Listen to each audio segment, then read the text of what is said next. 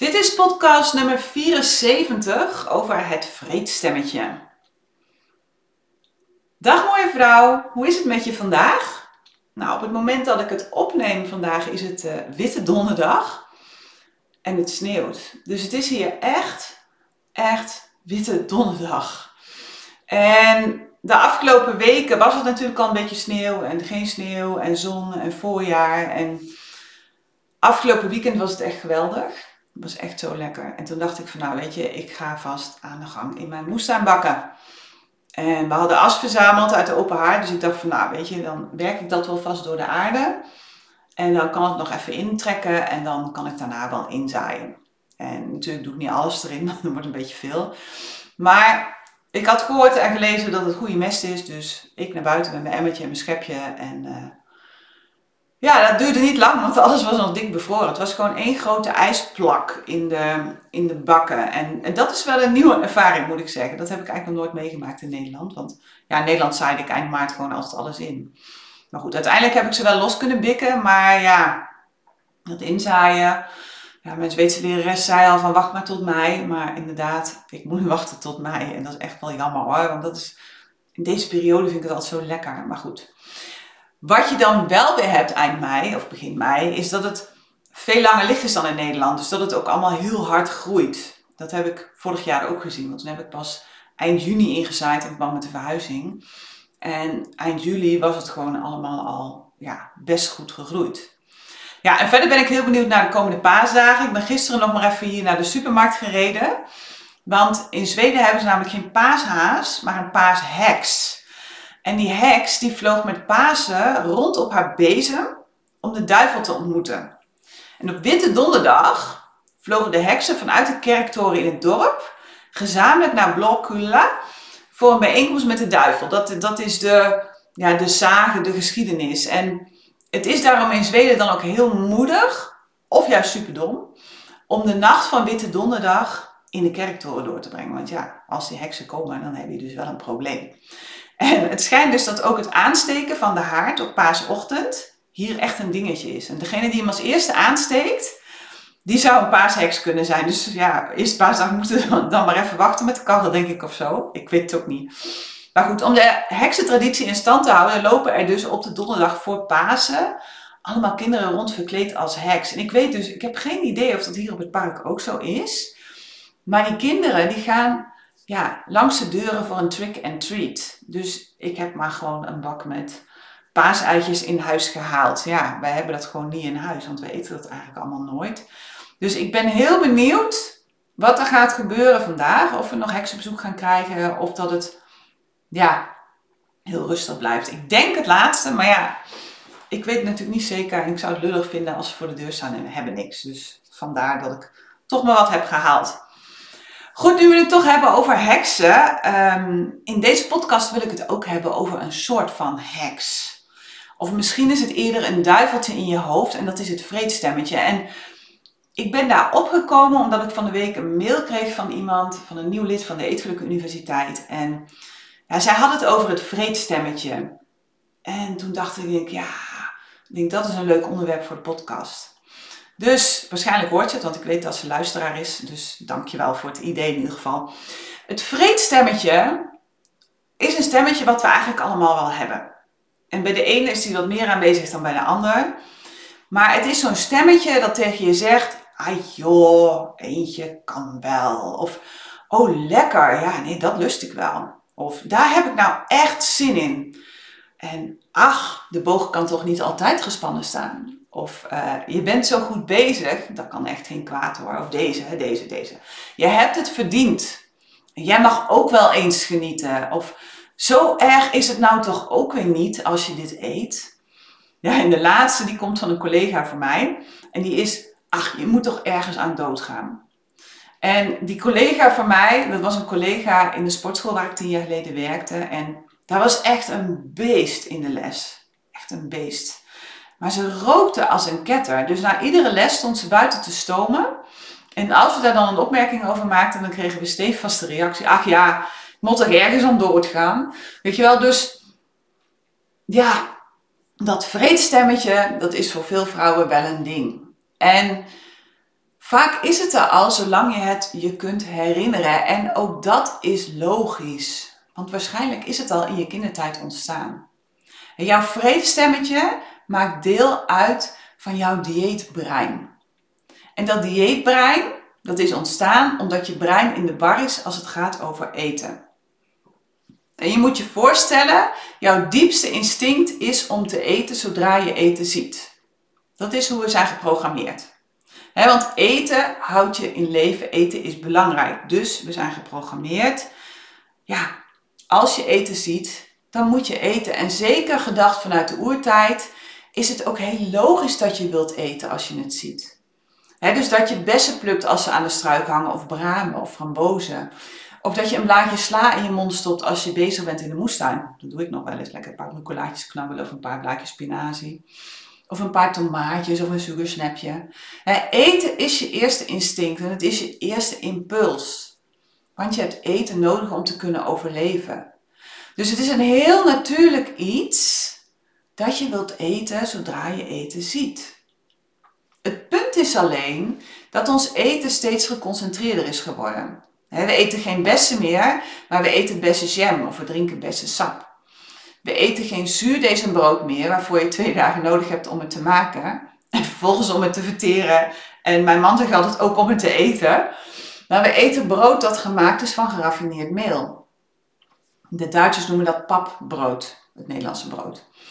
En waardoor het alleen, niet alleen minder verzadigt, maar ook nog eens ervoor zorgt dat je brein een hele hoge beloning ervaart wanneer je het eet.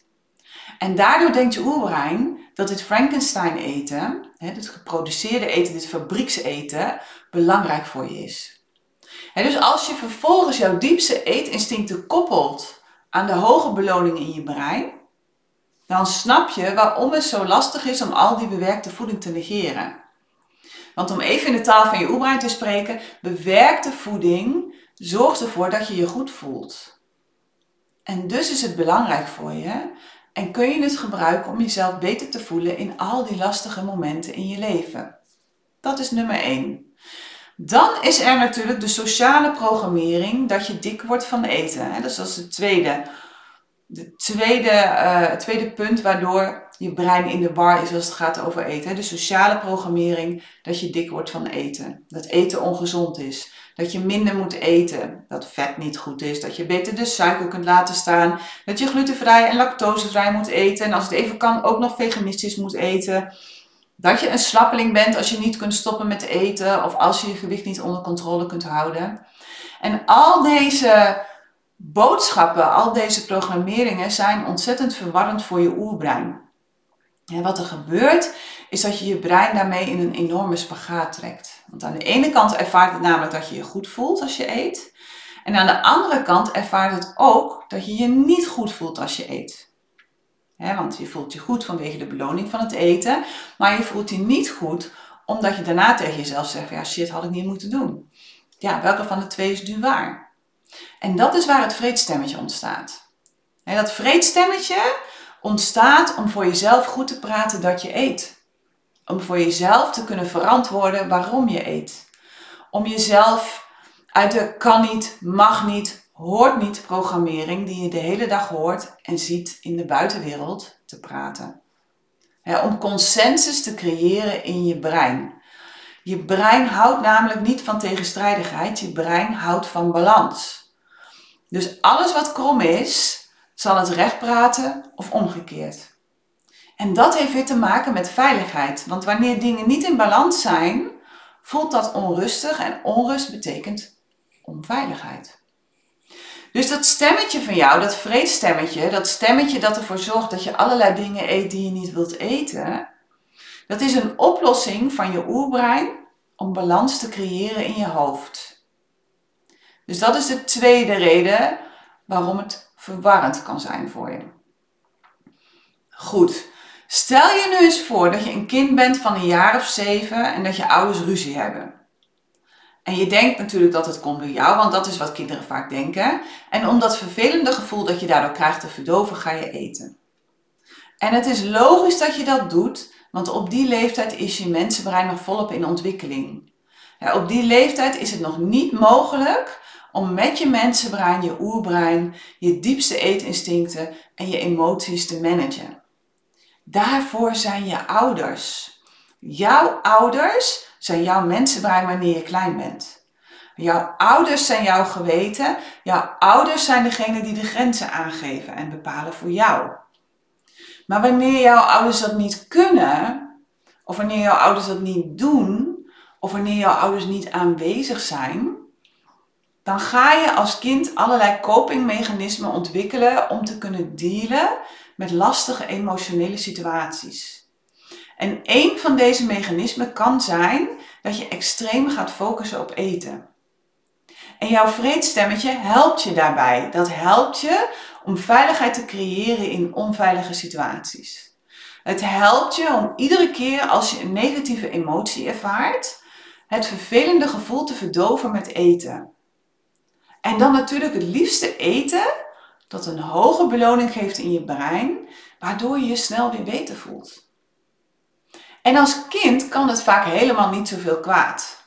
Want als kind is alles nog scherp afgesteld in je lijf. Je hormonale systeem staat nog vrij, afgesteld, vrij strak afgesteld. Je, je, stofwisseling werkt nog goed. Nou, meestal komt er rond je 10e, 12e nog een groeispurt. Nou dan ben je ook al die extra kilo's, die worden mooi uitgesmeerd over een langer lijf. En je beweegt vaak veel meer dan een volwassene. En daarbij komt dat je als kind helemaal nog niet nadenkt over de effecten van dit eetgedrag op de lange termijn.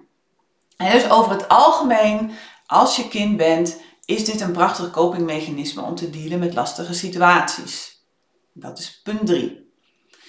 Maar goed, nu ben je inmiddels volwassen. We zijn uh, 40 jaar verder, 50 jaar verder. En je bent volwassen en dat vreedstemmetje is een onderdeel geworden van wie je bent. Van jouw huidige identiteit van de vrouw die je nu bent. En het is er al zolang je je kunt herinneren. want als je het inderdaad hebt ontwikkeld in je kindertijd, wat voor veel mensen gewoon zo is, dan heb je het al 40, 50, misschien wel 60 jaar bij je. Dus het is zo vertrouwd dat het voelt als familie. Maar wat het wel is, is dat je inmiddels een mensenbrein hebt wat volledig is ontwikkeld. En dat je inmiddels een geweten hebt dat je vertelt dat wanneer je ongeremd alles in je mond stopt, dat dit desastreuze gevolgen heeft voor je op de lange termijn. En de menopauze straft het af. In de menopauze kom je niet meer ongestraft ermee door. En als je er niet dik van wordt, dan zul je er zeker andere vervelende effecten mee creëren in je lichaam. Jouw mensenbrein weet dat en jouw mensenbrein vertelt het. Dus eigenlijk heb je de hele dag je moeder in je hoofd of je vader. dus zo denk je, je moet van dat vreedstemmetje af. Want dat vreedstemmetje, dat zorgt ervoor dat je gaat eten. Dus dat vreedstemmetje moet weg. En daar begint vervolgens het gevecht met jezelf. Daar begint het gevecht met het vreedstemmetje in jou. en de dame die mij schreef dat ze haar vreedstemmetje weg wilde hebben, die schreef mij dat ze tijdens haar vakantie in Oostenrijk had bedacht om het in het ravijn te gooien. Omdat ze het niet meer wilde hebben, omdat ze ervan af wilde, omdat het zo ontzettend zat was. En op zich is dat natuurlijk een hele goede gedachte. En een tijdje heeft het ook gewerkt voor haar, maar zodra er weer een emotionele, vervelende situatie was, is dat stemmetje gewoon weer uit het ravijn geklommen en was het er weer. Sterker dan ooit natuurlijk. Want ja, van zo'n klimactie krijg je wel spierballen. En het punt is dit, en dit is echt belangrijk dat je dit onthoudt. Jouw vreedstemmetje is een deel van jou. Het is een overlevingsmechanisme dat je in je kindertijd hebt ontwikkeld om te kunnen dealen met emoties. er zijn ook kinderen die zich terugtrekken. Er zijn ook kinderen die boos worden. Maar jij hebt een vreedstemmetje ontwikkeld. En in die tijd was dat vreedstemmetje een prachtig middel om je te beschermen tegen al die intense emotionele ervaringen die je als kind tegenkomt. want je moet weten dat emoties voor kinderen vaak veel intenser en veel heftiger zijn dan voor volwassenen. Er zit nog geen rem op. Het komt allemaal veel harder binnen. Daarbij zijn ze kleiner, ze zijn kwetsbaarder, ze snappen een heleboel dingen nog niet. Dus voor kinderen kunnen emoties heel erg bedreigend zijn. En juist ook omdat hun mensenbrein nog niet volop ontwikkeld is. Want waar je als volwassene vaak veel beter dingen kunt beredeneren en veel beter bent geworden in het onderdrukken van emoties, En of dat nou een goede zaak is, weet ik ook niet. Maar dat is wel een gegeven. Hè? Kun je dat als kind nog niet? Dus voor een kind komen emoties vaak echt keihard en rauw binnenvallen. Het is dus toch logisch dat kinderen allerlei copingmechanismen ontwikkelen om zich staande te kunnen houden. Waarvan jezelf en je gevoelens verdoven met eten er dus eentje kan zijn. En als je dat maar lang genoeg doet, en we weten allemaal dat wat je vaak doet, dat wat je lang doet, daar word je goed in. Dus als je dat maar lang genoeg doet, dan word je daar steeds beter in. Net zo lang tot het een tweede natuur wordt om te gaan eten, om al die kutmomenten in je leven niet te hoeven ervaren. En in plaats van te leren hoe je je emoties kunt ervaren en in plaats van te leren hoe je je emoties kunt begrijpen, stop je jezelf vol op ieder lastig moment dat er is. En dat varieert van verdriet naar eenzaamheid, naar stress, naar frustratie, naar boosheid of wat voor negatieve emotie dan ook. Maar het kan ook zijn dat je vanuit blijheid gaat eten. Omdat je brein denkt dat je op die manier de fijne emotie versterkt. En niet voor niets vieren we allerlei dingen met taart of met een etentje. En in al die momenten is er weer dat vreedstemmetje. En dat vreedstemmetje zegt, ja, dan moeten we vieren met een taartje. Of laten we gezellig een ijsje gaan eten. Het is zo'n mooie dag vandaag. Of zullen we een kop koffie met een appeltaartje doen vandaag? Of ter ere van je verjaardag gaan we vandaag lekker uit eten. Nou ja, goed, je begrijpt denk ik wel wat ik bedoel. Doordat je brein eten heeft gekoppeld aan je fijn voelen, zal het daar volledig automatisch iedere keer weer op terugvallen. Zowel als het emotioneel lastig is, als wanneer je juist een fijn moment beleeft, hè? vakantie bijvoorbeeld, of een feestdag. Want dat is wat je jouw hele leven lang hebt geoefend. Dus dat is waar je gewoon ontzettend goed in bent geworden. En jouw vreedstemmetje dirigeert dit gedrag. Jouw vreedstemmetje staat op de zeepkist en regelt het. En met als gevolg dat je vaak gelijk al aan het plannen slaat wanneer je op vakantie gaat of een dagje uit. En dat je alleen nog maar bezig bent met wat je kan eten en wanneer je kan eten en oh gezellig, leuk, lekker. Maar ook dat het paraat staat als het even allemaal anders loopt dan dat je had bedacht.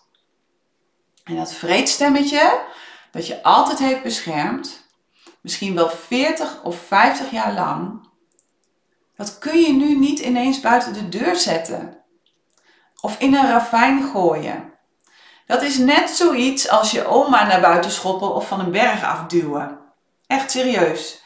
Dat vreedstemmetje is namelijk een heel belangrijk deel van jou. Het hoort bij jou. Het is je hele leven bij je geweest. Het is een stukje van jezelf geworden. En het heeft heel lang gefunctioneerd als een beschermer. Want het heeft jou je hele leven lang geholpen om je veilig te voelen. En het is dus gecreëerd vanuit liefde voor jou.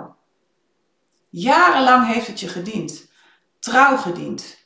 Maar nu, nu het je tegen begint te werken, omdat je steeds meer negatieve gevolgen ervaart van steeds maar eten om negatieve emoties te verdoven of om positieve emoties te versterken, nu wordt het ineens irritant.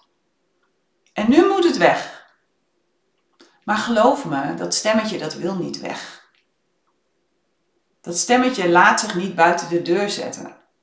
Het zal zich misschien even stilhouden zolang je leven lekker loopt, maar zodra er maar een scheet dwars zit, dan is het er weer. Direct. Als een trouwe dienaar staat het dan meteen weer in de houding, klaar om zijn taak op te pakken.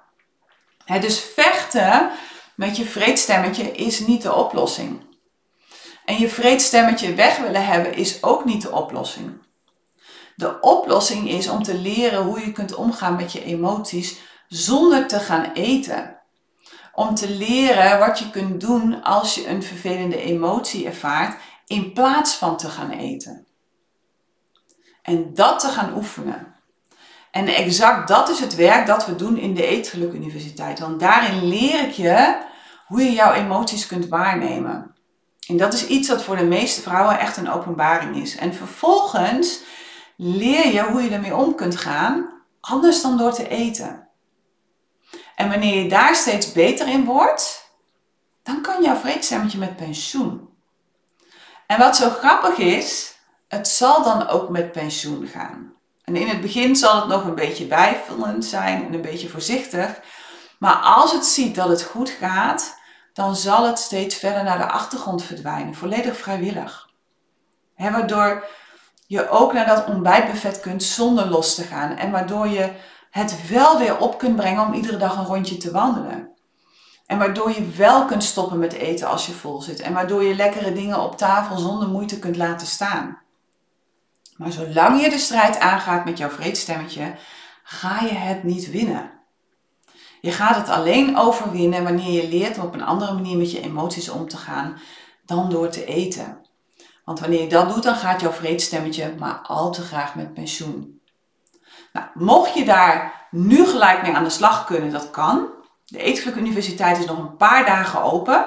Tot en met zondag 9 april kun je nog inschrijven in de voorjaarsinschrijving. Daarna gaan we echt een half jaar dicht. Dan gaan we echt een half jaar dicht, want ik wil het komende half jaar alle focus leggen op de nieuwe leden.